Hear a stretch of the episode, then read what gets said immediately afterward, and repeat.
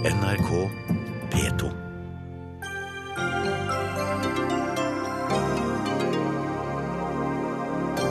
På tide å bryte tradisjonen. Politikerne må blande seg i lærerstreiken, mener SV, som ber politikerkollegaer om å skjerpe seg.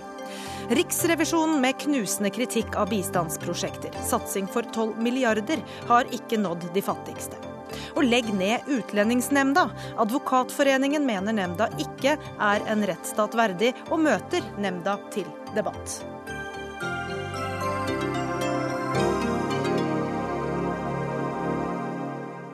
Ønsker vi vel møtt til Dagsnytt 18, der vi også spør hvem amerikanerne spiller på lag med i kampen mot ekstremistorganisasjonen ISIL i Irak. Og også i dag lar vi fotballen styre NRK2. Det betyr at du må på nett for å se oss snakke på nrk.no. Først altså til lærerstreiken, som SVs Audun Lysbakken mener politikerne bør blande seg inn i. Og Lysbakken, hvorfor er denne streiken så spesielt at man skal fravike prinsippet om at arbeidsgiver og arbeidstakere ordner opp i sånne situasjoner selv? Altså det vi nå ser er jo en fundamental tillitskrise i den norske skolen, som er veldig dramatisk, mellom lærerne på den ene siden og kommunene på den andre siden. Og kommunene de er jo arbeidsgiver i denne konflikten, men de er også ledet av politikere som representerer de samme partiene som partiene på Stortinget. Og Da syns jeg det klinger litt hult når parti etter parti nå kommer ut og sier at de har sympati for lærerne, og de forstår at lærerne er frustrert. Men så har de altså ikke gjort noen ting for å få sine egne kommunepolitikere med på å endre det jeg mener har vært en konfrontasjonslinje fra KS sin side, som har presset lærerne altfor hardt på arbeidstid. Men slik gjelder jo alltid. Hvorfor er denne konflikten så spesielt at politikerne nå skal fravike dette prinsippet om ikke å blande seg inn? Altså For det første så er det et prinsipp jeg ikke nødvendigvis abonnerer på. Fordi jeg mener at det er riktig å støtte folk som kjemper for rettferdige krav. Jeg har vært ute tidligere i år og støttet havnearbeiderne i deres konflikt. Mens du satt men, i regjering òg, eller? Men, men sant, vi kan ikke men, Gjorde du det? Mens du, altså, ville du gjort det hvis du satt i regjering nå? Jeg, jeg har ikke bedt statsråden om å blande seg inn i konflikten. Det, og jeg har heller ikke bedt noen politikere om å overstyre eller diktere KS. Men det jeg ber om, er at partiene skal mene noe om hvordan KS opptrer, og at det må få noen konsekvenser for dialogen med egne kommunepolitikere. Og Grunnen til at jeg har vært litt frustrert over det, er at SV tok et sånt initiativ i vinter. Han som sitter i hovedstyret i KS for SV, Ivar Johansen, han ba om å få nettopp dette spørsmålet om arbeidstid opp for å diskutere KS sin linje. Og Da skrev jeg et brev til lederne for de andre opposisjonspartiene. Ivar fikk ingen støtte i hovedstyret i KS. Jeg fikk ingen respons på mitt brev. Men nå kommer det flere partier og er veldig bekymret, fordi de kunne vært med på å gjøre noe med i vinter. Birgitte Jordal, du er statssekretær i Kunnskapsdepartementet. og Hvorfor mener du det er viktig at politikerne ikke blander seg inn i denne konflikten? Det jeg mener er at det er veldig viktig at ikke regjeringen nå griper inn i det som er et grunnleggende prinsipp eh, om forhandlinger mellom partene. Eh, at man etterlyser mer politisk handling, det får så være. Men nå er jo KS representert av politikere, og KS sitt eh, hovedstyre har politikere som har et mandat til å gå inn der. Dette hovedstyret det var faktisk enstemmig om det forhandlingsresultatet som ble lagt eh, på bordet, og ba sine medlemmer om å stemme over det. Dvs. Si kommunene om å stemme over det. Og det gjorde alle kommunene som stemte, bortsett fra én. Så det har jo vært en veldig stor enighet nettopp med de politikerne i styret om dette eh, vedtaket. Og så går selvfølgelig ikke regjeringen inn, og jeg er veldig glad for at du understreker at du ikke forventer at regjeringen skal gå inn i disse forhandlingene på noe som helst måte. Det kommer vi ikke til å gjøre. Er det bare det at du, eh, Lysbakken, ikke er enig eh, i sak her, i det som kommunene har eh, godkjent? Det er jo selvfølgelig en del av det. Altså, Jeg mener at KS nå er i ferd med å sette noen veldig viktige skolepolitiske mål på spill. Fordi det vi trenger i norsk skole, det er jo økt fleksibilitet for lærerne, sånn at de kan skreddersy skoledagen til elevene. Istedenfor så er vi i ferd med å få mer detaljstyring, som lærerne opplever som en mistillit. Det skjønner jeg veldig godt. Det er tid og tillit vi trenger i norsk skole men, nå. Men hvordan skal politikernes innblanding på dette tidspunkt, da, når man nå har en streik, kunne hjelpe på situasjonen? Ja, altså, jeg Birgitte Jordal beskrev det egentlig veldig godt. Jeg, jeg, ber ikke regjeringen om å diktere noe lønnsoppgjør. Det vil være feil, og det ville være bare fullstendig galt av sted. Men jeg mener at alle partiene, både i regjering og på storting, må sende tydelige signaler til sine kommunepolitikere om å ta ansvar for KS sin linje i lønnsforhandlinger. For jeg tror nemlig det er sånn i veldig stor grad at det sitter rådmenn rundt om i kommunene og er veldig bevisst på hva KS gjør, mens politikerne ikke tar ansvar. Det gjelder også partiet Høyre. Hvis vi vil vise lærerne tillit, så må vi bidra til at KS går bort fra den konfrontasjonslinjen de nå har valgt. Eh, Jordal, er det aktuelt for Høyre eh, å gå inn og, og vise side i denne konflikten? Jeg mener at KS har sine representanter i hovedstyret. Jo, men jeg spurte om partiet Høyre eh, eventuelt det har jeg, vil eh... har jeg ikke diskutert med partiet Høyre, og jeg vet heller ikke hvordan de stiller seg til det. Men på vegne av regjeringen så er det i hvert fall helt uaktuelt fra vår side å gjøre noe som helst i denne konflikten. Selv om vi selvfølgelig også ønsker at vi nå kunne få eh, komme til ro, og at vi fikk en avtale som det var mulig å leve godt med for alle parter. Hører med representant for Kristelig Folkeparti, da, Anders Tyvand, eh, utdanningspolitiker politisk eh, talsmann. Eh, hvor aktuelt er det for deg og, og KrF å, å blande seg inn da, i denne streikesituasjonen?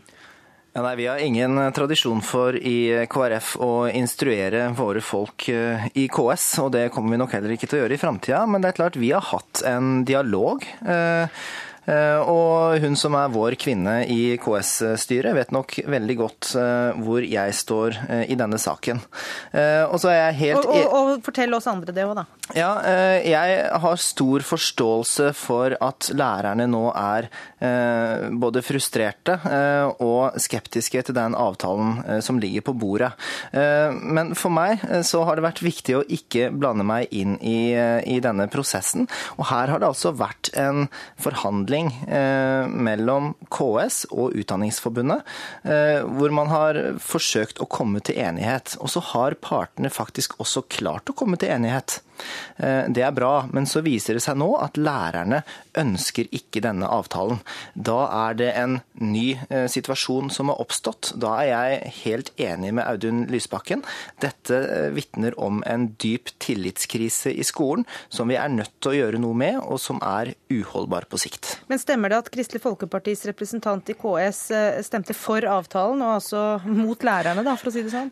Ja, altså Her var det jo enstemmighet i KS helt til 12 time da eh, SV eh, gikk ut. Eh, men jeg tror det er viktig å forstå her at her har vi ulike perspektiver med oss inn i denne saken. KS representerer kommunene. De har arbeidsgiverperspektivet med seg. Vi som sitter på Stortinget, vi har et annet perspektiv. Vi har den nasjonale skolepolitikken. Og det er klart, Noen ganger så blir det konflikt mellom disse to perspektivene. Men har ikke partiene visse prinsipper og politiske parti, eh, programmer de skal stå på? Jo, og det er derfor jeg sier jeg tror det er viktig med dialog. Og jeg har hatt dialog med hun som er vår kvinne i KS-styret. Jeg oppfordrer også alle andre partier til å ha den dialogen. Men jeg mener det er viktig når Stortinget har gitt fra seg forhandlingsansvaret til kommunene, så må de få ha det ansvaret. Og så vil jo jeg da oppfordre KS til å ta sitt ansvar på alvor, og også gjøre nå det de kan for å gjenopprette tillitsforhold forholdet mellom kommunene som arbeidsgivere og lærerne. Nå har vi ikke KS her i dag, men Audun Lysbakken vil gjerne si noen ord. Jeg er jo glad for at Anders Tyvand sier at eh, det både er behov for dialog med, med kommunepolitikerne i KS, og at eh, KrF gjør det. Men det er jo samtidig viktig å si at vi som partier må jo henge sammen. Altså Når jeg sier at SV støtter lærerne, så er det ikke bare jeg og SVs stortingsgruppe som mener det. Også våre kommunepolitikere rundt om i landet står bak lærerne i denne konflikten. Eh, og det, det, det er noe som ikke stemmer for meg, hvis det skal være sånn at stortingspartiene støtter lærerne, mens kommunepolitikerne ikke gjør det. Eh, da er det enten noen som ikke snakker sammen, eller noen som gjør det veldig lettvint for eh, seg sjøl. Eh, KrF og de andre partiene hadde jo en mulighet til å snu i vinter. For når SVs Ivar Johansen tok dette opp i hovedstyret, det var i februar, så var det tid til å unngå den situasjonen vi har nå. Nettopp for vi så hva som kunne komme.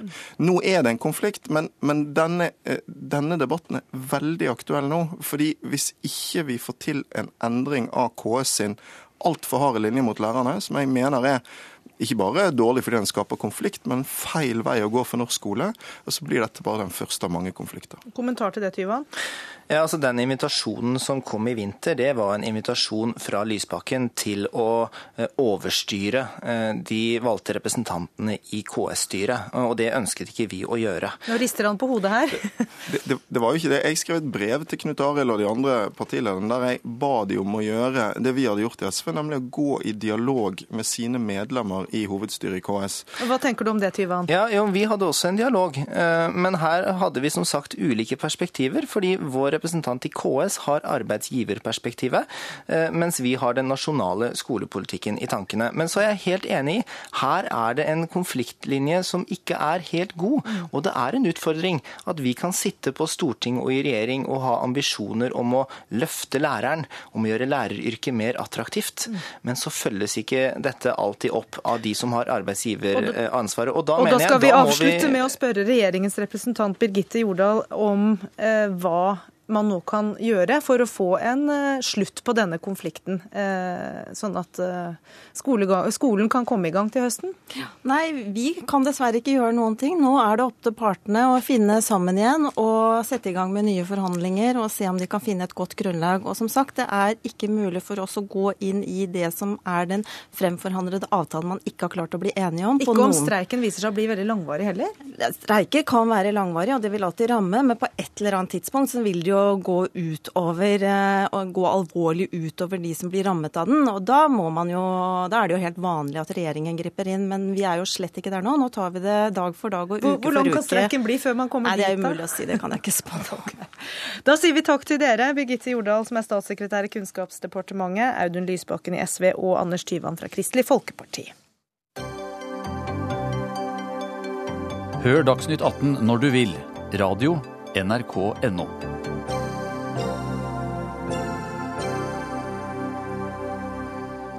Da skal vi til den prekære situasjonen i Irak. Iranske droner skal ha inntatt Irak. Syria sender jagerfly og bomber Irak. Vestlige ledere reiser til Irak. Alt er forsøk på å stanse ekstremistgruppa ISIL, som har tatt kontrollen over flere irakiske byer de siste ukene. Over 1000 mennesker skal ha blitt eh, drept. Vi begynner med deg, Midtøsten-korrespondent Sigurd Falkenberg Mikkelsen. Hva vet du om rapportene om de syriske angrepene? De har skjedd eh, rundt den syrisk-irakiske grensen ved byen eh, Kaim. Foreløpig litt uklart om de faktisk har bombet inne på irakisk territorium, eh, eller bare på den syriske siden av grensestasjonen. Statsminister Noria Maliki, den irakiske statsministeren, sier det bare var på syrisk territorium, men var likevel veldig positive til disse angrepene. Det sier jo litt om den sårbare situasjonen eh, han befinner seg i. Eh, ennå også uklart eh, hva skadeomfanget har vært av disse syriske luftangrepene. New York Times skriver at iranske droner skal ha blitt plassert i Irak, og at de er klare for en innsats da mot ISIL der. Hva, hva vet du om det? Det er også blitt observert og lagt ut noen bilder på sosiale medier fra opprørssiden i Irak av disse dronene, uten at det har vært mulig å Eh, bekrefte det uavhengig. Eh, jeg tror ikke de iranske dronene har noe annet enn observatøregenskaper. Eh, og det ville jo ikke være unaturlig at de er der. De er nære allierte av Maliki. Og nå har de jo fått krigen på dørstokken. Og dette truer også iranerne, og de er urolige. Eh, og sliter også med å få oversikt over eh, hva som eh, foregår, særlig da de opprørskontrollerte områdene. Men Kan du prøve å gi oss et bilde av nettopp det? Hva er det som foregår for øvrig i Irak med ISIL og med forsøket på å stanse dem? Altså, det vi ser er at de gradvis tar over mer kontroll i nord og vest i Irak, som er da de sunni-arabiske områdene. Men at det går saktere i områdene rundt Bagdad, hvor det også er en større eh, sjiamuslimsk eh, befolkning. Og at det er en voldsom mobilisering fra myndighetenes side, da, særlig i første, første omgang rundt disse sjiamuslimske militsene. Og så har vi også kommet rapporter i dag om at de har tatt over, altså ISIL og andre grupper har tatt over et par gassområder ganske nære Bagdad. Eh, og så tror jeg Det er viktig å ha i mente at ISIL er én av flere grupper eh, som er i aktivitet eh, i Irak nå. Takk skal du ha, Sigurd Falkenberg Mikkelsen. Vi går til USA, til Anders Tvegård, som er korrespondent der. fordi amerikanerne trekker jo i trådene her. Hvilke avveininger er det USA står overfor når de vurderer hva de skal gjøre med Irak nå? Ja, USA ser jo opplagt faren for spredning og, og, mer kaos. og Om de bare hadde trukket i, i trådene ISILs eh, frammarsj har tatt USA på senga. De så ikke trusselen komme. Det har vært høringer i åpne og lukkede fora de siste dagene som tegner et bilde av mangelfulle planer og strategier. Eh, det som nevnes som årsaker, er bl.a. tilbaketrekkingen fra Irak og da nedbemanningen på, på etterretningssida. Nå i første omgang så sender USA rundt 300 militære rådgivere som skal hjelpe den irakiske hæren se hva som trengs og, og gi råd for å beskytte Bagdad. USA har utelukket å, å, å sende soldater, men ser på muligheten for å bruke de omstridte dronene. Og Samtidig så presser USA på i det diplomatiske sporet for å få en samlingsregjering i uh, Irak. De har ikke sagt rett ut at statsminister Maliki må gå av, men retorikken uh, er, er, tydelig på det. Han har vært en skuffelse for uh, Washington. Er det kommet noen reaksjoner på den iranske og syriske innblandingen her? Ja, altså de, de, de, har jo et felles mål da, ved å stanse ISIL. Men um, USAs militære uh, rådgivning og, og, leveranser av utstyr det, det er ikke koordinert uh, verken med, med, Syria eller Iran. Utenriksminister John Kerry han har sagt at ingen er tjent med å øke splittelsen mellom folkegruppene. Og, og sånn sett håper at uh, ingen i altså han håper at ingen i regionen gjør noe forhastet. Mm. Og USA møter seg jo selv litt i døra her, eller har kommet inn i en kompleks utenriks- og og sikkerhetspolitisk situasjon med allianser eller sammenfallende interesser som var helt utenkelig for, for bare få måneder siden. Iran, eh, som vi hørte Falkenberg Mikkelsen eh, fortelle, tar jo den USA-støttede regjeringen i, i, Bagdads side. Og Assads Syria er, er på tokt inne i Irak for å fjerne trusselen fra ISIL. Og USA har som kjent i beste fall stor mistillit eh, eller skepsis til både Iran og Syria, men nå har altså et felles mål. Cecilie Hellestveit, eh, du er Irak-ekspert ved International Law and Policy Institute. Eh, hva mener du om betydningen av eh, amerikanernes eller amerikanskledede invasjonen av Irak i 2003 for det vi ser som skjer i Irak nå? Nei, I disse dager så snakkes det jo veldig mye om amerikanerne skal vi si, ansvar for at Irak befinner seg i den situasjonen de gjør. Eh, nå er det slik at Amerikanerne de ønsket for så vidt å forbli i eh, Irak utover 2011, men de fikk ikke den forsvarsavtalen som de måtte ha for å kunne bli værende i Irak. Og Da de, seg, de trakk seg ut i 2011, så sa også amerikanerne at vi har her et land som ikke vil være i stand til å sikre sine egne grenser før tidligst i 2020. Eh, det som har skjedd de siste to årene særlig, eh, når man har sett eh, den syriske borgerkrigen, så har alle aktører forsøkt å holde situasjonen i Irak adskilt.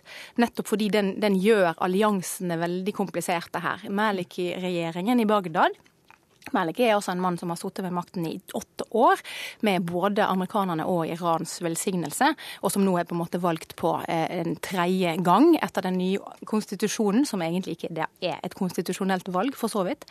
Men, men den eh, linjen som går fra Teheran via Bagdad til Damaskus har vært vanskelig for alle å forholde seg til. Eh, nå er det slik at Meliki han har ekskludert i stadig større grad sunnimuslimene i disse provinsene hvor ISIL nå har tatt kontroll, sakte, men sikkert de siste tre årene. Og mange har vel tenkt tanken at her går man mot en borgerkrig. Det har også sunnimuslimske politikere i Irak advart mot i snart to år. Det siste året har volden tatt seg veldig opp, og det er klart vi ser nå en situasjon hvor man slåss mot ISIL, men det er en mye mer sammensatt situasjon i disse provinsene som gjør at det å gå inn og bare bombe de eh, er på ingen måte en, en løsning som kan vedvare. Så man trenger også en politisk løsning i Bagdad. Det har amerikanerne egentlig ikke så mange instrumenter til å presse gjennom. Der er det først og fremst Iran som sitter med nøkkelen. Så det er på en måte et samarbeid med Iran som må til for å bevege Bagdad politisk. Men et samarbeid med Iran, eh, og vi hører altså en allianse med Syria, eh, med et regime som vi, eh, vi sier jeg, men amerikanerne og vestlig samfunn ellers ikke har så mye til overs for. Hvem er på lag med hvem i kampen mot ISIL? og, og situasjonen i Irak? Nei, altså Dette er jo en situasjon hvor, hvor, amerikanerne kommer i en fryktelig vanskelig situasjon. De slåss nå eh, indirekte på sunnimuslimenes side i Syria, og de risikerer å da bli en del av en kampanje mot de altså, lignende sunnimuslimske gruppene på den andre siden av grensen. Dvs. Si at de da står på begge sider i en slags militær konfrontasjon som er lokal, og hvor amerikanerne holder seg på en måte litt, litt utenfor. Men det er også en, et større bilde her, fordi eh, amerikanerne har jo tradisjonelt vært en nær alliert av Saudi-Arabia. Og Saudi-Arabia ser jo med stor uro på den tilnærmingen som har vært i det siste mellom Iran og USA. Og det at amerikanerne da både på en måte politisk og militært fremstår som noen som samarbeider eh, med Iran om Irak, som jo er på en måte hjertet av arabiske, den arabiske verden, det blir tatt meget ille opp i mange hovedsteder rundt om i den arabiske verden. Og vi har også en situasjon hvor følgene av den arabiske våren gjør at mange moderate islamistiske bevegelser har blitt presset ut, har gått under jorden, og det er veldig mange mange unge eh, sinte menn i forskjellige hovedsteder i den arabiske verden som lett kan se dette som en mulighet til å få utløp for sitt raseri, rett og slett. Så situasjonen ser ikke lys ut? Dette er en meget vanskelig situasjon for amerikanerne å forholde seg til. Takk skal du ha, Cecilie Hellestveit, som også er forsker i det som forkortes ILPI.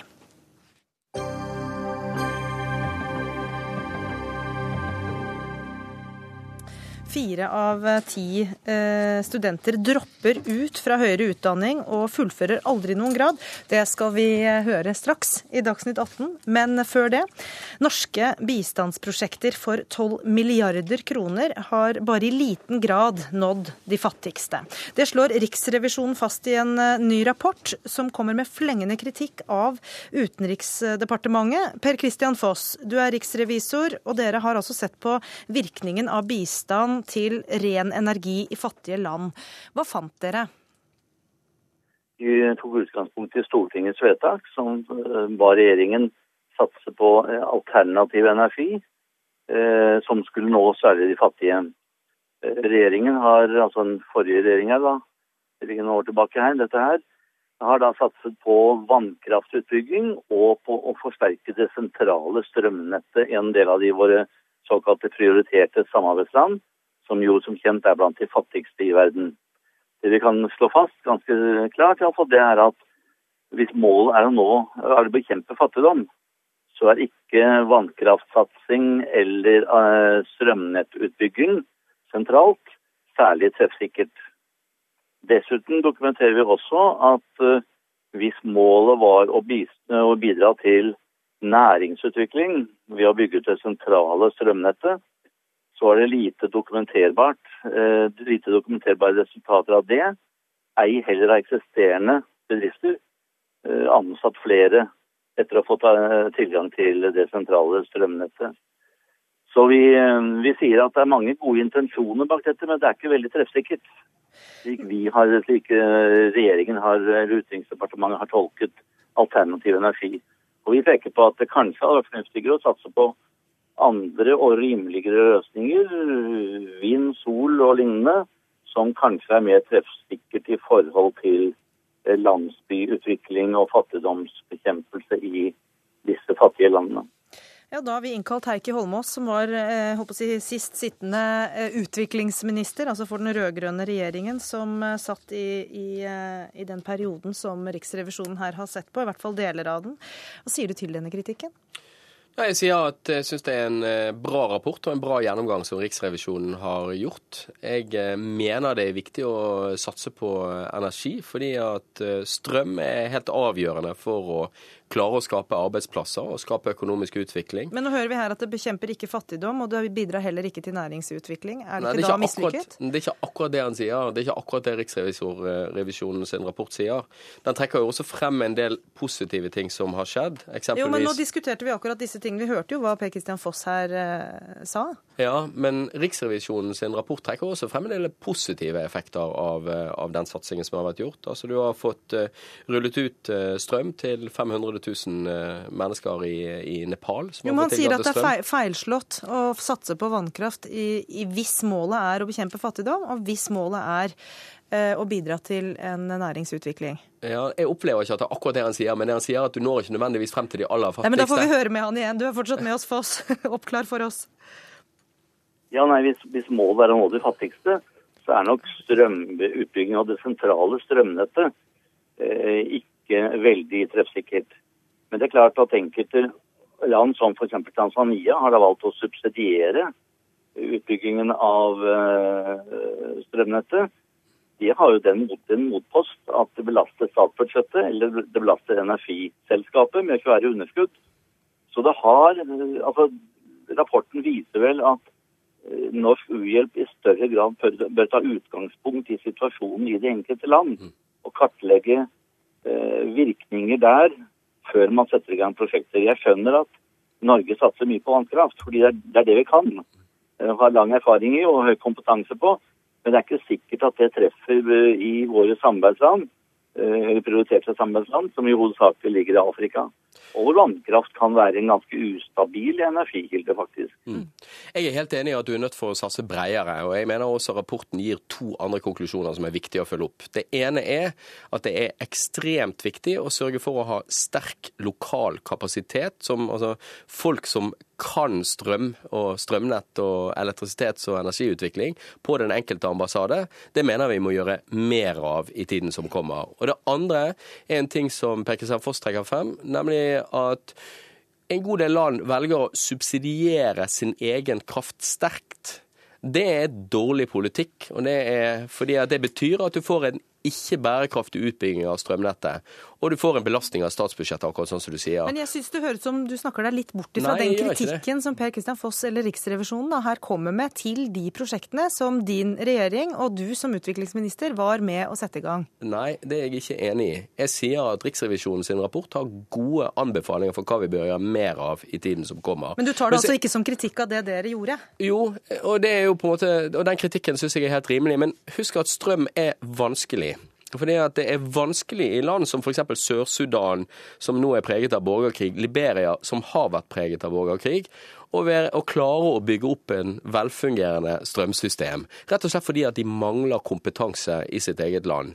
Og så er det vanskelig å få til store investeringer i fornybar energi, som du må få til enten du velger sol eller stor vind eller, eller vannkraft, i land der det er usikkerhet om myndighetene vil være villige til å betale for strømmen. Men jeg vil understreke at Riksrevisjonen i sin egen rapport sier at du har nådd ut i Mosambik f.eks., bl.a. gjennom norsk støtte til 160 000 nye husstander. Du har i Nepal nådd ut til med strøm og strømtilbud til 500 000 mennesker. Du har nådd ut f.eks. I, i Tanzania. Eh, har du nådd ut til å elektrifisere eh, sykehus og skoler. Og Det betyr at du kan drive datamaskiner på skoler, som gir en mulighet for undervisning som er bra.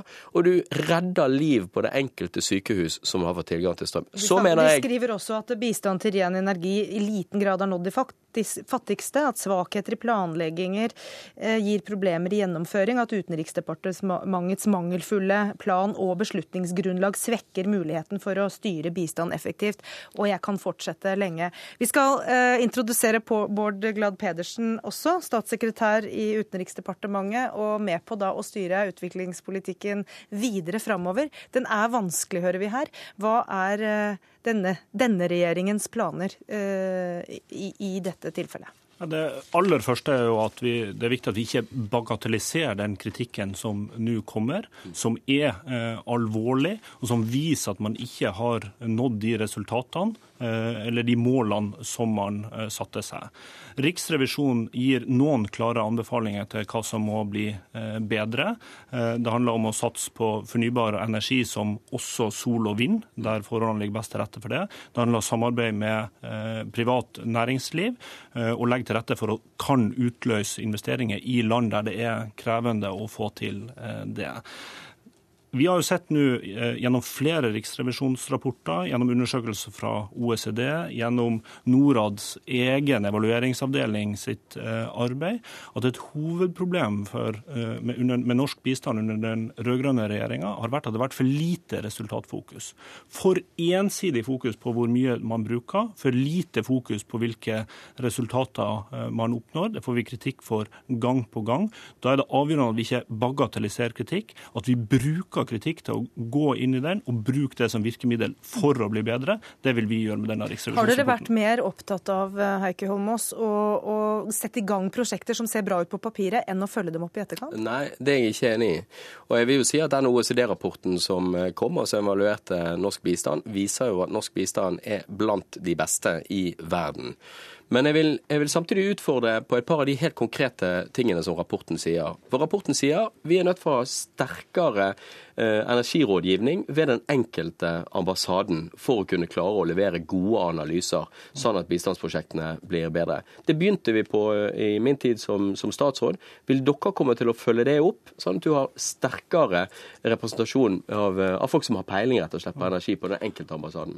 Bare for å ta det med OECD-rapporten som viser at Norge er bra på mye bistand, og ikke minst er vi bra på at vi gir mye bistand. Men det rapport etter rapport forteller oss, er at det har vært et for dårlig eh, resultatfokus, og det bidrar til at vi ikke når de resultatene. Så var det spørsmålet, Vil du bidra ja, til at eh, ambassadene får bedre oppfølging? For det som uh, denne rapporten viser, er jo at når de rød-grønne har firedobla støtten til ren energi, så har man ikke bygd opp kompetanse samtidig, sånn at det er for uh, tynt grunnlag for de beslutningene som er tatt for nye prosjekter. Så det er helt åpenbart at det å sørge for at vi har et bedre grunnlag for enkeltprosjekter Nå gjennomgår vi denne rapporten og ser på hvordan vi best skal gjøre det. Ja, det, det å sikre sier folk på ambassadene. Ja, vil dere gjøre det? Ja, altså Vi vil sørge for at vi har et bedre grunnlag for å sette i gang prosjekter og for å følge opp prosjekter enn det Riksrevisjonen viser at man har hatt uh, under din tid. Fikk du svar der, eh, Holmås? Nei, jeg følte ikke jeg fikk et svar på om man vil faktisk eh, stille opp med folk på bakken. Da prøver, da prøver vi en gang til. Ja, Vi, vi, vi vil ha kompetanse på plass som gjør at vi klarer å ha et bedre grunnlag for å følge opp prosjekter enn det vi har hatt. Ja. Hvordan vi gjør det? Nå gjennomgår vi Nå har denne rapporten kommet nå. Det er en ganske brutal eh, kritikk. Det er investert 12 milliarder på dette området. Det er viktig å prioritere dette området, men det viser at vi har ikke oppnådd de resultatene. Kan du love oss her nå at de eh, prosjektene som igangsettes av din regjering, vil følges opp bedre og eh, ikke resultere i en rapport som ligner denne?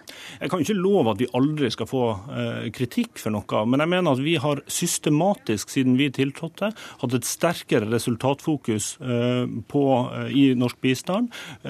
Eh, sagt at vi er nødt til å konsentrere innsatsen sånn at vi oppnår resultater. Latt være å bagatellisere kritikk, nettopp brukt det som et grunnlag for læring. Og vi, det vi vet er jo at altså 1,2 milliarder mennesker har i dag ikke tilgang til strøm. En dødsårsak er at folk har for dårlig Det, det forstår vi. Målet, målet er, er, Så greit. da er vi nødt til å sørge for at vi oppnår de resultatene som vi bevilger penger til. Og der er jeg nødt til å sette strek, selv om Heikki Holmås gjerne skulle sagt mer. Vi kommer tilbake til dette ved en senere anledning, det er jeg sikker på. Takk skal dere ha, begge to. Thank you. Utlendingsnemnda bør legges ned. Det mener Advokatforeningen, som har gått gjennom en rekke av nemndas eh, utsendelsesvedtak. I nesten 70% av sakene ble vedtak om utsendelse av asylsøkere omgjort etter at Advokatforeningens ekspertgruppe tok sakene videre. Arild Humlen, eh, du har ledet denne gruppa, og er eh, også leder i Advokatforeningens rettssikkerhetsutvalg. Hva er galt med Utlendingsnemnda? Det er en del systemfeil i hele utlendingsforvaltningen som gjør at man risikerer i altfor stor utstrekning å ende opp med uriktige vedtak. Og dette arbeidet, hvor vi har gått igjennom som du nevnte, 1755 vedtak, så er det for å se om det er noen repetitive, gjentagende systemfeil som det er viktig å avdekke og identifisere, slik at man kan finne andre systemer som kan forhindre at dette oppstår. Og Hvilke feil har dere identifisert? da? Nei, det, det, er jo spesielt at det da bare 5% blir avholdt nemndsmøte med personlig frammøte, mens de i mer enn to tredjedeler av sakene er nettopp troverdighetsvurderingene som gjør at man får avslag. Og dette var en type tematikk som ligger i forutsetning for opprettelsen av Utlendingsnemnda, at de skal behandles ved personlig fremmøte. Og uh, Nemnda, bare for å ha sagt det, den behandler altså klager på avslag. ikke Ja. sant? De, de har først vært behandlet, fått avslag, og så går de da til Ja. nemnda for en ny behandling. Og det, er jo, det er jo først og fremst asyl- og menneskerettigheter og utvisning som vi har konsentrert oss om i, i nemnda. Og så må jeg også si at vi har jo også plukket ut en del saker, ikke så veldig mange, men vi har plu- plukket ut en del typiske saker som representerer det vi mener er feil, og prøvd de i retten. Og det er der vi har fått gjennomslag i svært mange av de sakene. Ja, Bjørn Lyster, du er informasjonssjef i Utlendingsnemnda. Hva sier du til kritikken? Systemfeil? Nei, altså systemet, systemet er eh, rettssikkert i stort, det er det jo ingen tvil om. Det er jo sånn at Når man behandler disse asylsakene, asylsøkere som kommer til Norge, så er det godt over halvparten som får, oppholds, som får, eh, får beskyttelse allerede i utgangspunktet gjennom en tillatelse som er gitt av UDI. Ja, men nå er det ikke det vi snakker om. Vi Nei, snakker jo, om de nei, som klager tar- på avslag. tom- eh, Jeg bare sier, jeg håper å si det totale, siden du snakker om rettssikkerheten i systemet. Jo, men vi er snakker om Utlendingsnemndas funksjon, da, ikke ja. sant? Mm. Og det, da, er det jo, da er det sånn at en, eh, de siste par årene så har det vært en 11-12% som har fått eh, tillatelser gitt av UNE. Og når det gjelder det eh, om saker tas opp, eh, opp eh, i retten, det er jo i dette arbeidet som de har gjort, så har de hatt 13 saker som de har vunnet fram i retten som UNE har tapt. Og troverdighet er, gjelder i flere av dem. Men det at Ja, Det gjelder jo da omtrent 70 av Nei. de sakene Advokatforeningens jo, men altså, der, der, utvalg har sett der, ser vi, for, der ser vi litt forskjellig på en del av disse sakene. De sakene som er gjort om av UNE selv etter at de har blitt tatt opp igjen, der er det sånn at våre eh, nemndledere, som da har eh, gjort om disse sakene, de har gjort om disse sakene fordi at de selv er enig i at sakene bør gjøres om slik de er da på, på det tidspunktet. Fordi de hadde gjort en feil i utgangspunktet? Nei, det, det er ikke det de sier. Det er det at eh, sakene utvikler seg over tid. Som et eksempel er at hvis man tar opp igjen en sak med, eh, med lengeværende barn, så vil jo det, hvis det er en stund siden man behandlet den saken forrige gang, så vil den på det nye tidspunktet hvor nemndlederen igjen har den på sitt bord, være ytterligere oppholdstid. Så det lønner seg å trenere en saksbehandling så lenge som mulig Ja, så eh, for å øke sjansen for å få bli? eh, Når det gjelder lengeværende barn, så skal jo det med barns tilknytning og det med ytterligere tilknytning til Norge, lengre oppholdstid, det skal jo telle med i vurderingene i de sakene. Ja, Humlen, er det ikke et poeng at situasjonen kan endre seg også? Altså, dette er jo helt meningsløst, fordi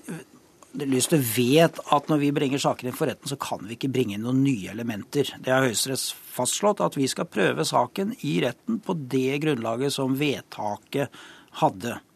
Og eh, når Lyster sier at, at man omgjør underveis her, så er det klart man gjør det, for man ser jo at man har en dårlig sak, at man vil tape. Og da har de omgjort en rekke saker. Men det sentrale her, det er at disse omgjøringene ville aldri kommet hvis ikke det var reist rettssak om disse vedtakene fra Advokatforeningens side. Men nå er det ikke bare disse sakene som er det sentrale her. Altså Vi har materiale fra 1755 saker, og vi ser veldig tydelig at det er gjentagende feil som fører til svært tvilsomme vedtak. Og vi kan påvise at det er, og, dette kan vi gjøre ved å vise til konkrete vedtak, vise til konkrete dommer, at det er feil i troverdighetsvurderingene som ikke skyldes klagerne selv, men som skyldes systemsvikt. Det er derfor vi er mer opptatt og, og Men, men kan du forklare akkurat hva ved systemene som, det- det er- eh, Lyster, her, Lyster her bør endre på? Altså For det første så er jo hele prosessen i UNE Vi burde lagt oss på samme nivå som de fleste andre europeiske land og ha en topartsprosess, altså en reell domstolslignende behandling. Det er jo én ting. Av hver enkelt sak? Ja, i hvert fall av der hvor det er troverdighetstvil. Og det er jo det som er meningen med UNE når den ble opprettet. Men det er jo andre og mer alvorlige ting. Altså 70% av sakene som endte med omgjøring eller tap i retten av de vi prøvde, det var saker som var avgjort av nemndsleder alene. Og det er jo saker som hvor det overhodet ikke skal være tvil. Og da kan det ikke være noe tvil om at, at det er en us, betydelig usikkerhet når 70% av disse sakene omgjøres. skal ikke en nemnd være flere enn én person? Ja, det er ikke så enkelt når det gjelder troverdighetsvurderinger. I noen av disse sakene så er det altså sånn at det kan være en forklaring som UDI ikke har trodd på. Så har den kommet til, eh, til UNE, og så har de som har behandlet i UNE, har heller ikke trodd på den, ment at det åpenbart ikke kan være sånn. Og da har, de, og da har kanskje ikke vært nemndmøte av den grunn. Det at saken kommer for retten etterpå, og at en, eh, en dommer kommer til, de, og, til, å mene at denne forklaringen kanskje kan være sann. De trenger ikke å mene at den er sann engang, det kan være nok at den kanskje er sann, til at det, kan, til at det ikke kan utelukke at det kan skje at, ja, men hvor, at det kan være farlig. Hvor godt har dere, Utlendingsnemnda, da uh, vurdert det, hvis det kun er én person Nei, som sitter bare, og synser om det er riktig eller ikke riktig? Det er ikke bare én person som uh, synser I 70 av sakene, ja, av det sakene, sier Det er én person som avgjør. Man må ikke blande sammen det å opplyse saken og det å ta, ta avgjørelsen også. I, også, også i tingretten så er det én person som tar uh, en avgjørelse, den, den tingrettsdommeren. Men det er jo flere personer som deltar i det som skjer i retten for å opplyse saken. Slik er det hos oss også. Vi har, det er det som er grunnlagsmaterialet kommer fra UD, det er saksbehandlere som forbereder saken. Men syns du overhodet ikke det er eh, skremmende eller betenkelig at uh, såpass mange saker er blitt omgjort av retten? Disse 13 sakene? Ja, disse 70 prosentene? Ja, det er 70 prosent. altså Som sagt, det, det, er en prosent som vi rett og slett ikke er enig i at det går an å telle på den måten. Så du, du mener ikke at ja, det er noe feil ved dere når sakene Når det gjelder de sakene som har vært i retten, så er det 13 saker som er dømt mot staten, og det er 21 saker er, hvor staten har fått medhold. Ja, og det er 13 saker hvor da en asylsøker har fått ja. avslag ja, det og, og, skulle ha fått medhold. Ja, skulle etter rettens syn. Ja. Men det, det er, dette her er ikke den type objektive størrelse. Vi er klar over at også også innenfor rettsvesenet så kan det gjøres ulike vurderinger der. altså sånn at De sakene som var, har vært hittil i år i lagmannsretten, så har lagmannsretten 15 saker, utlendingssaker, så har lagmannsretten gjort en annen vurdering i tingretten i seks av disse 15 sakene. Altså 40 er endret til lagmannsretten. Men man sier ikke den grunn at tingrettsbehandlingen ikke var forsvarlig. Ja, men Kan man ikke snu dette på hodet og si at systemet fungerer nettopp fordi man endrer eh, vedtak som Nei, altså, kan vi ikke begynne å trekke inn forholdet mellom lagmannsretten og tingretten. Det er, det er, et helt annet system. Men det går jo heller ikke an å vaske hendene rene ved å si det at ja, vi har omgjort, og dermed så er ikke det å, beregne, å betegne som en seier for prosjektet. Vi, altså Disse er blitt omgjort nettopp fordi man har fremmet det som søksmål, og har da erkjent at vedtakene må omgjøres. Og Det er en, en, stor gruppe av disse sakene. Og så har de der hvor de har nektet å vedkjenne seg det. Og det er ikke 13 saker, det er 15 saker hvor det har skjedd. Slik at, Men det totale bildet altså Det er identifiserbare problemer som skaper usikre eh, saksbehandlingsresultater. Det må vi ta tak i. Og så må vi få til et mer rettssikkert system. Det har de gjort i Sverige. Ja, og så mener du også at Utlendingsnemnda skal nedlegges, hva skal man da få istedenfor? Vi, vi har kommet med konkrete forslag både til regelendringer og systemer. Blant annet så har vi foreslått at vi bør få en topartssystem som de har i barnevernssaker, innenfor et forvaltningsrammer. Det vil være et mye bedre bedre og mer rettssikkert system. og Derfor har man også valgt det i en alvorlig sakstype som barnevernssaker. Kort kommentar på ja, altså det. er et politisk spørsmål om man vil endre hvordan UNE skal fungere. Det som er mitt anliggende, er at UNE fungerer etter hensikten slik UNE er nå. Og når det gjelder det å gjøre om, det er ikke sånn at man lar seg skremme til å gjøre om fordi at det kommer et søksmål. Vi gjorde om eh, i bare i 2013 nesten 1000 tidligere UNE-vedtak. Eh, fordi at det kommer inn omgjøringsanmodninger, det kan komme inn, eh, inn stevninger, det kan komme annet som gjør at man ser på saken på nytt. Og det er mange ting som gjør at en sak kan forandre seg over tid. Det kan være landsituasjonen, det kan være politisk aktivitet i Norge, det kan være helseutvikling, eller det kan være at barn har lengre oppholdstid. Takk skal dere ha, eh, Bjørn Lyster, informasjonssjef i Utlendingsnemnda, og Arild Humlen, som leder Advokatforeningens rettssikkerhetsutvalg.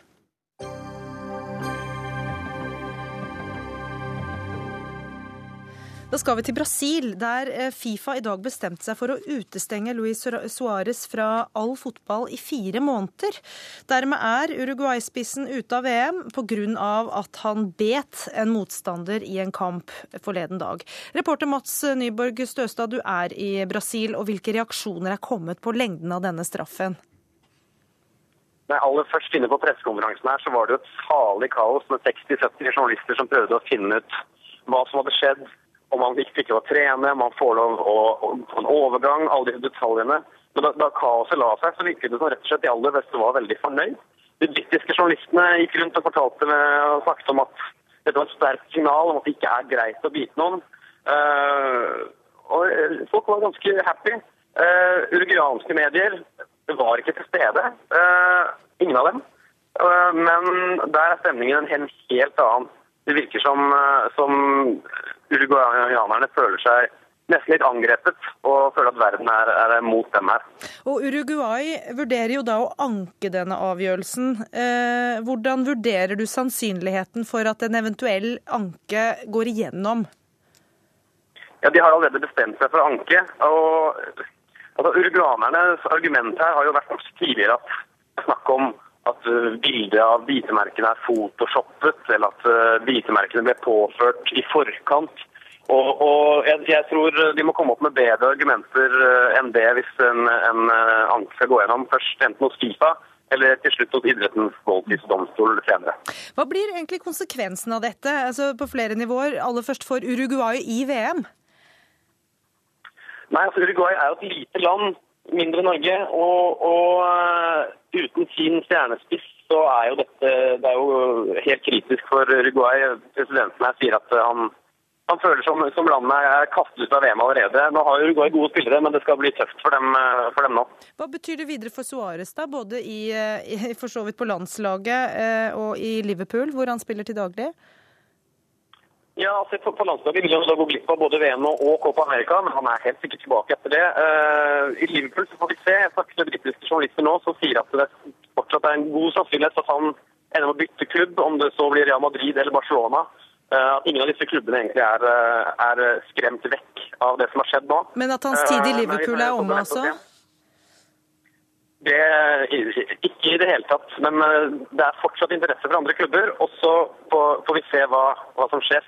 Eh, jeg tror eh, det er vanskelig å si hva Liverpool velger å gjøre. De har sagt at de skal se på dette her og vurdere nå i, liten, i noen dager som, hvordan de skal reagere på det. Takk skal du ha for at du var med oss fra Brasil, reporter Mats Nyborg Støstad.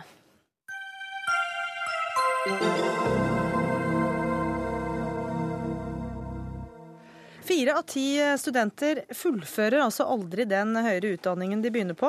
Eh, og blant menn så faller halvparten fra, viser tall fra Statistisk sentralbyrå.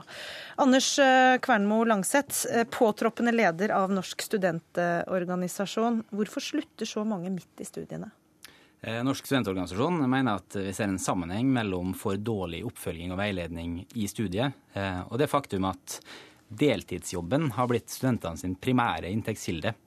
Det vil si at studentene tjener mer på å jobbe ved siden av studiene enn de får i studielån. Så når du legger de to faktorene eh, sammen, så får du den store frafallstallet som vi ser og, og, og vi som diskuterte her i går hvordan ungdom ikke jobba ved siden av studiene, der ja. tok vi altså feil. Ja, jeg tror det. Jeg tror det. Kristin Vinje, utdanningspolitisk talskvinne i Høyre. Eh, hvordan ser du på den forklaringen han kommer med her?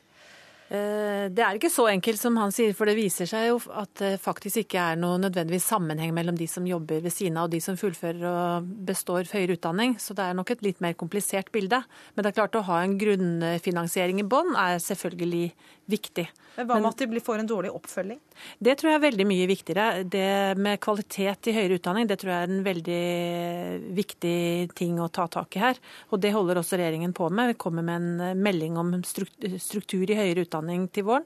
Og da vil kvalitet i utdanningen være et helt eh, sentralt tema. Så utdanningen er for dårlig, rett og slett? Eh, det er i hvert fall et stort forbedringspotensial. Jeg kan jo si at eh, vi har vel en tendens i Norge til å spre våre ressurser til forskning og høyere utdanning litt for tynt ut. Jeg kan jo gi et eksempel. at I Norge så er det f.eks.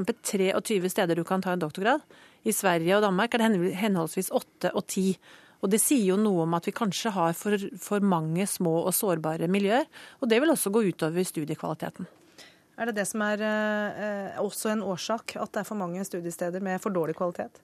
Eh, jeg tror vi må jobbe for å forbedre kvalitet i høyere utdanning. Og så fikk vi en flott eh, studiekvalitetsundersøkelse i februar i år, som NOKUT, Nasjonalt organ for kvalitet i utdanning, har gjort. Det er den første undersøkelsen som er ute på alle institusjonene, der studentene sjøl kan melde inn hva de syns om kvaliteten på norsk høyere utdanning. Eh, og Den viser at det punktet som flest studenter i Norge er misfornøyd med, det er oppfølging og veiledning i studiet. Eh, og Vi mener at det er en av faktorene som bidrar til frafall i dag. Men så er det ikke nok å kun ha god oppfølging og veiledning hvis ikke studentene har tid til å være til stede eh, på studiet. Og vi ser at Studenter jobber mer og mer parallelt med å være student. Seks av ti har fast deltidsjobb i tillegg til å være student. Og 74% av studentenes utgifter, nei, inntekter beklager, går direkte til bolig. Eh, så studenter jobber mer og mer, og de er mer og mer misfornøyd med oppfølgingen og veiledninga de får i studiet. Ja, og Høyre lovte eh, mer penger til studentene. Mm. Elleve mm. måneder studiestøtte eh, før dere vant valget. Hvor blir de penga av? Vi lovte ikke elleve måneders studiestøtte før valget, faktisk. Vi lovte å øke studiestøtten, og det har vi gjort. Høyre har faktisk eh, økt studiestøtten mer enn det har vært gjort på over ti år.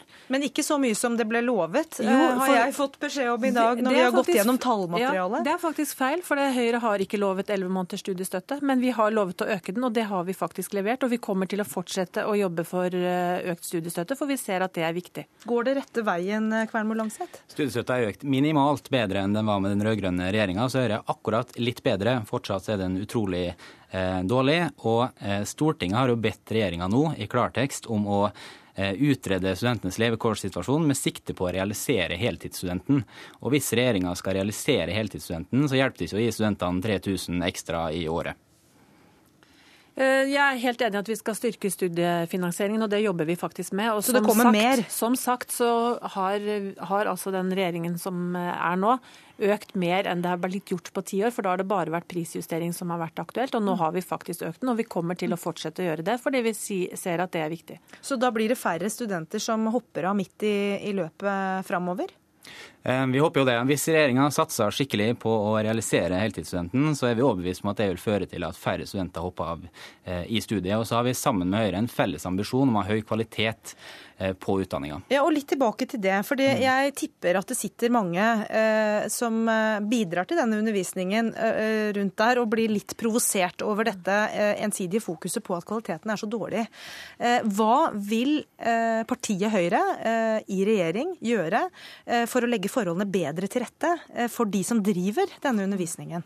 Ja, Det vi vil gjøre, er jo å gå gjennom strukturen i høyere utdanning og komme til Stortinget med, da kommer regjeringen til Stortinget med en eh, stortingsmelding eh, om hvordan vi skal sikre bedre kvalitet i høyere utdanning. Og som sagt så tror jeg at vi i Norge sprer ressursene for tynt utover, sånn at vi, det kan være vi har for mange små og sårbare Så en studiemiljøer. løsning er færre studiesteder? Ja, det kan det være. Vi har som sagt 23 steder i Norge hvor det utdeles doktorgrader, og i Sverige og Danmark så er det henholdsvis 8 og 10. Og det sier jo litt om at vi kanskje bør samle kreftene og lage eh, mer større, robuste fagmiljøer. Som Men vil det hjelpe komme... på studentenes Ja. økonomi at de må reise lenger og bo lenger eh, hjemmefra, for å si det sånn, for Ja, å fullføre tror- studiene sine? da? Det tror jeg ikke. Jeg tror eh, dette vil først og fremst gi studentene bedre fagmiljøer og bedre studievilkår.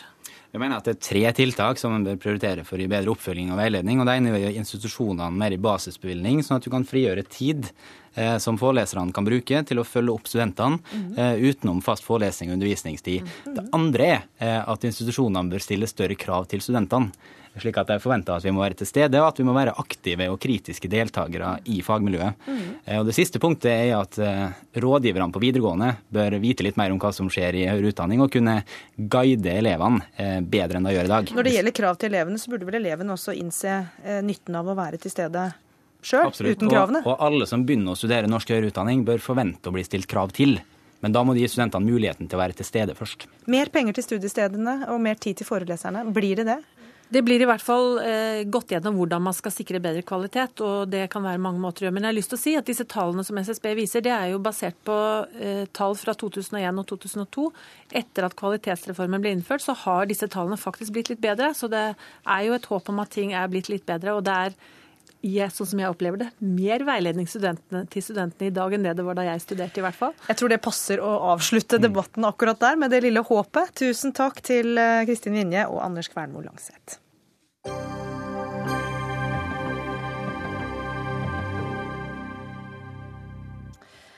I går smalt det en bombe i Nigerias hovedstad, som den islamistiske gruppa Boko Haram får skylda for. Meldinger om kidnappinger av flere jenter kom også denne uka. Samtidig er det lenge siden vi har hørt nytt om de over 200 jentene som ble tatt til fange i april. Morten Bøås, seniorforsker ved NUPI. Hva vet man aller først da om de 90 eh, som det ble rapportert om, eh, som ble kidnappet denne uka her, hovedsakelig kvinner og barn?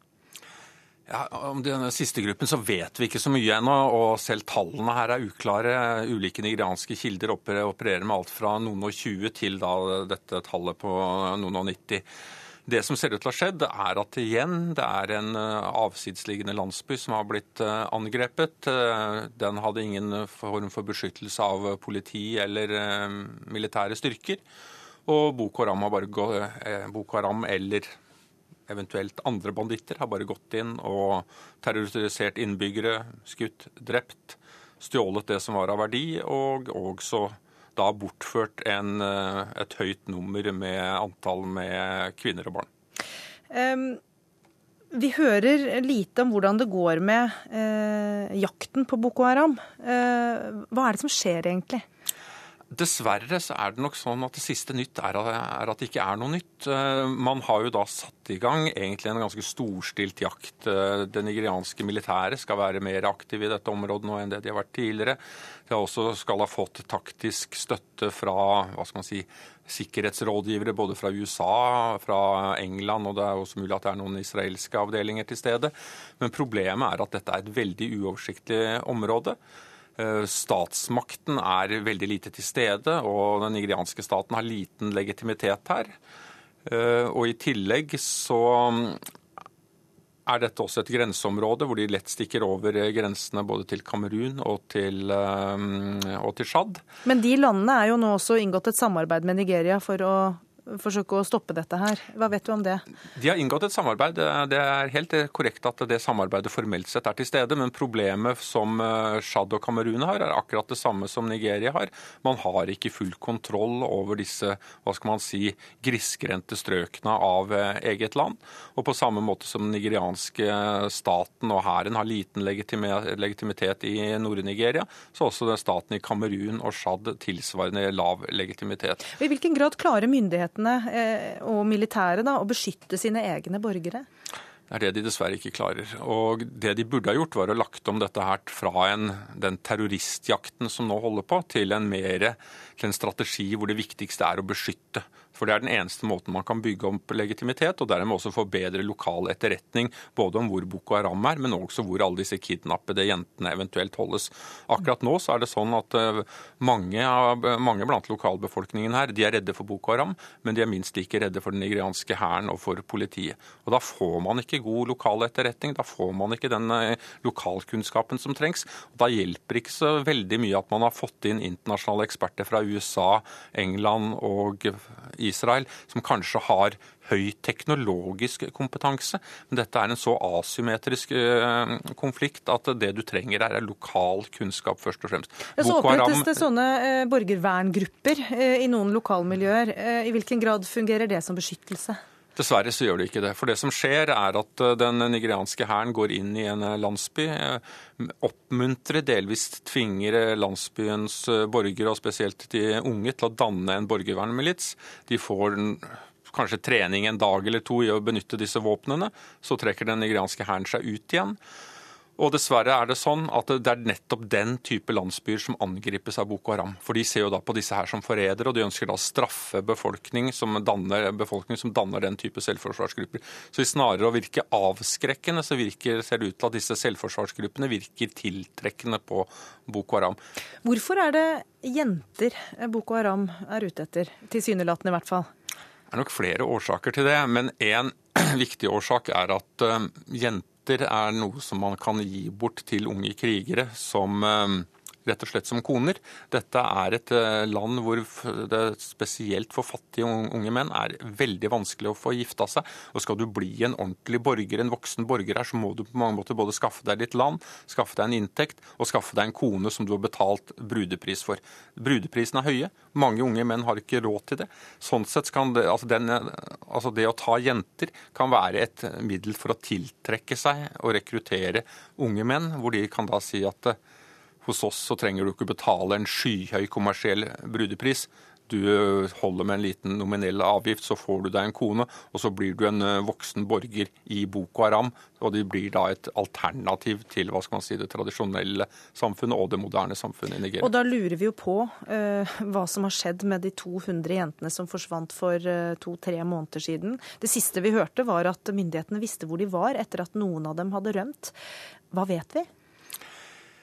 Det ser ikke ut til at myndighetene faktisk visste hvor de var. Så det som antagelig har skjedd med de, er at de er delt opp i mindre grupper og holdes eh, fra hverandre. Etter hvert så vil det nok antagelig være sånn at noen flere av de vil komme til å klare å rømme, hvis denne situasjonen varer lenge over tid framover. Noen av de kan risikere å bli drept i kamphandlinger mellom Boko Haram og eh, avdelinger fra den nigerianske hæren. Og mange av de vil nok bli gifta bort i Boko Haram eller til Boko Harams støttemedlemmer. Og hvis disse giftermålene varer veldig lenge, så kan det nok hende at den dagen de eventuelt kommer ut, så har de egentlig ikke noen andre valg enn å bli hos den mannen som de har blitt gitt bort til i Boko Haram. Ikke en veldig oppløftende slutt på denne Dagsnytt 18-sendingen, men eh, tusen takk til Morten Bøås, seniorforsker ved NUPI.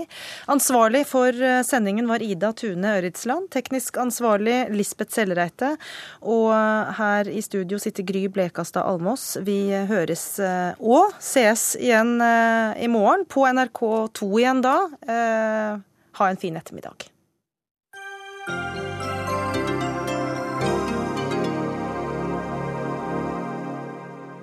Hør flere podkaster på nrk.no podkast.